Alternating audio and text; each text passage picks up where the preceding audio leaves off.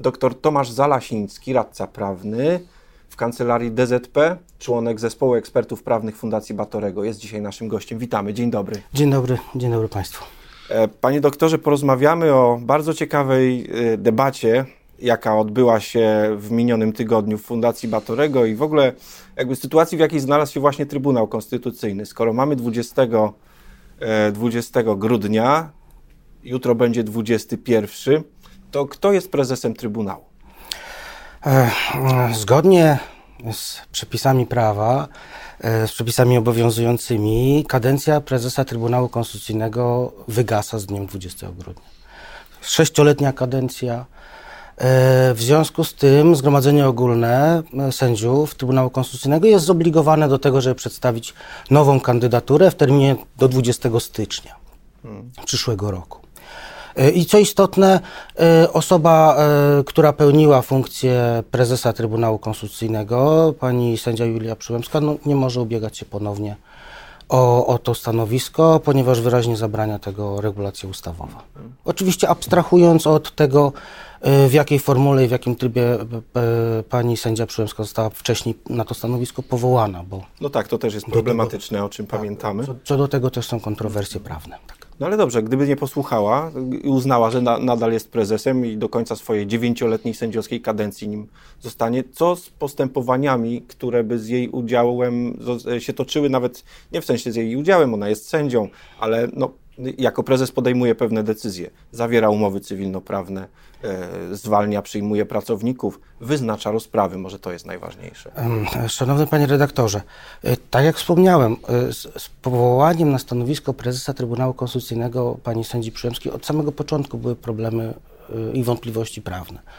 Więc jeżeli byłoby tak, że po tym 20 grudnia e, pani sędzia nadal pełniłaby funkcję, faktycznie pełniłaby funkcję prezesa Trybunału Konstytucyjnego, no to ta bezprawność by się tylko wzmacniała, e, rozszerzała e, i no i cóż można więcej powiedzieć, byłoby to działanie niezgodne z ustawą o Trybunale Konstytucyjnym. No tak, więc jesteśmy w takim momencie, w którym jeszcze odpowiedzi na wiele pytań nie znamy, ale przede wszystkim należałoby sobie zadać pytanie, co z samym Trybunałem Konstytucyjnym, który funkcjonuje jak funkcjonuje. Nie orzeka zbyt wiele, niektórzy się z tego cieszą mm, z racji, z racji skutku, e, który może byłby później do podważenia, ale są głosy poważnych ekspertów mówiących, że należałoby przeprowadzić no, je, jeśli nie rewolucję, to przynajmniej ewolucję tego ciała, konstytucyjnego organu. Co pan uważa? Tak, no akurat w zeszłym tygodniu mieliśmy w Fundacji Batorego e, konferencję poświęconą tematowi e, przywra przywracania praworządności w Trybunale Konstytucyjnym. E, w ramach zespołu ekspertów prawnych Fundacji Batorego przygotowaliśmy społeczny projekt ustawy o Trybunale Konstytucyjnym w kształcie takim, który w naszej ocenie powinien pozwolić na przywrócenie e, prawidłowego, zgodnego z konstytucją funkcjonowania Trybunału Konstytucyjnego w dłuższej perspektywie.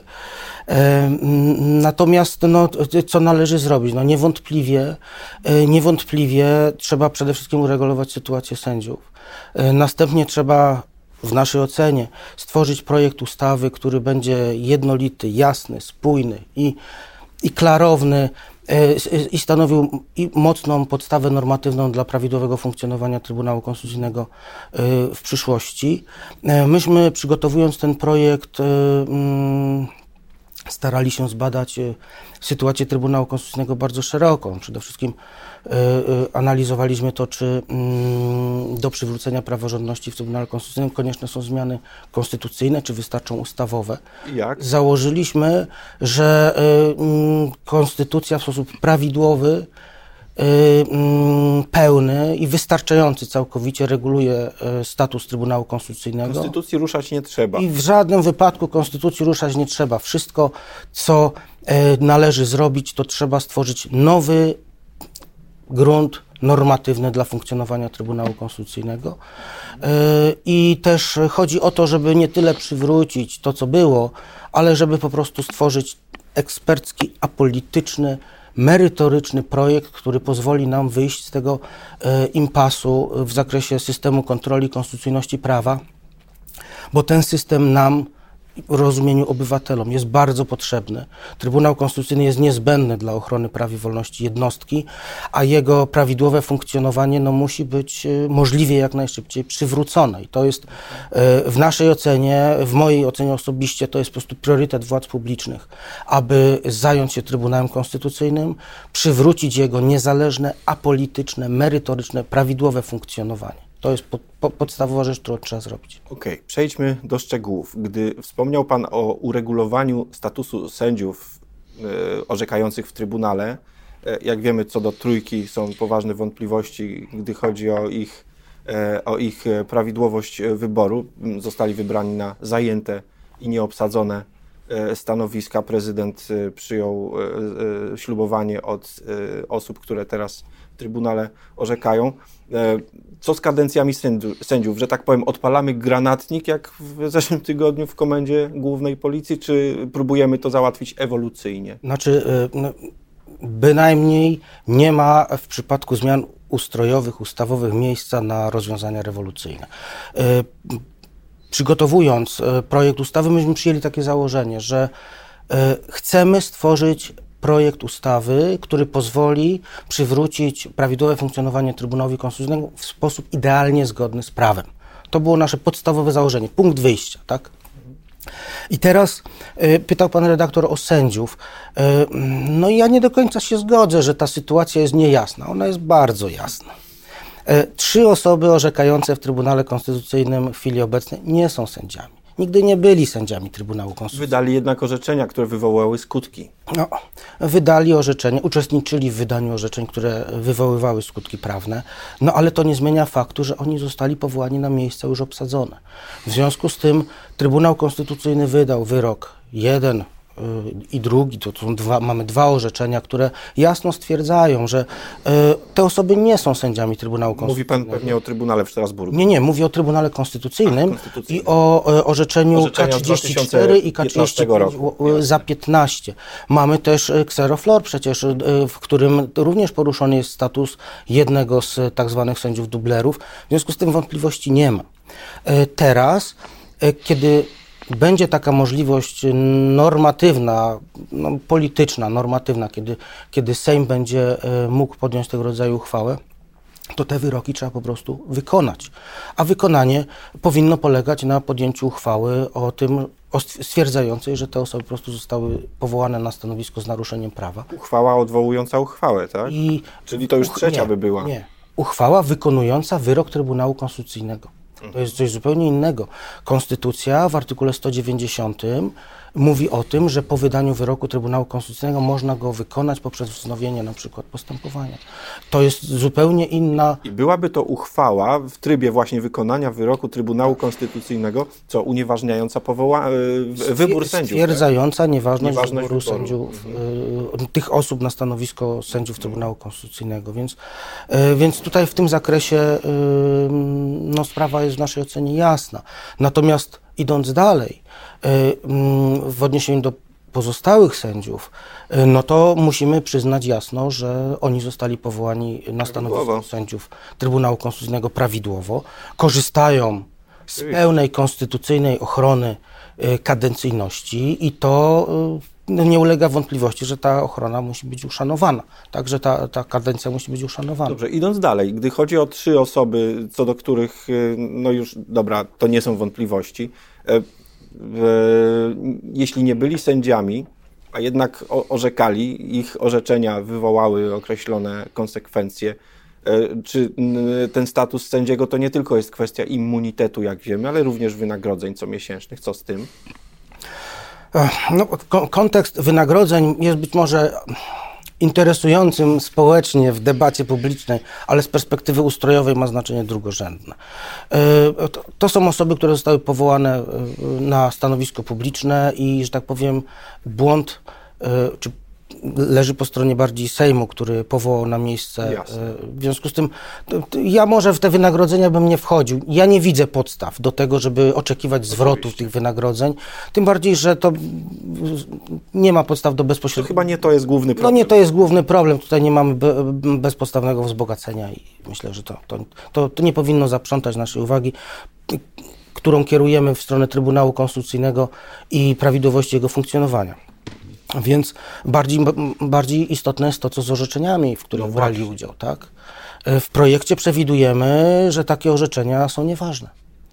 E, a dotyczy to bardzo istotnych orzeczeń społecznych, między tak. innymi orzeczenia y, aborcyjnego. Aborcyjne. Tak. Wyższość, y, prymat prawa tak. unijnego nad tak. krajowym. Tak?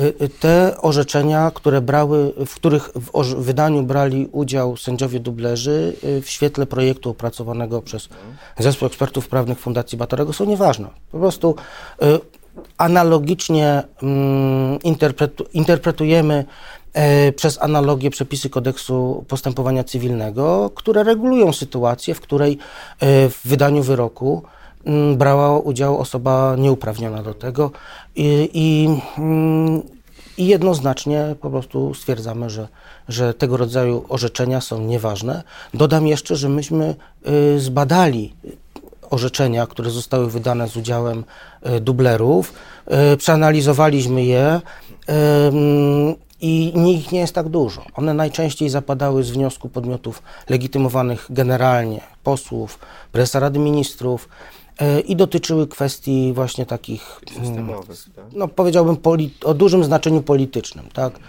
E, więc myślę, że. I co wtedy? Obwieszczenie w dzienniku ustaw, że, że wyrok jest nieważny? Znaczy nie, no, w, w projekcie ustawy jest przepis, który mówi, że wyroki są e, nieważne.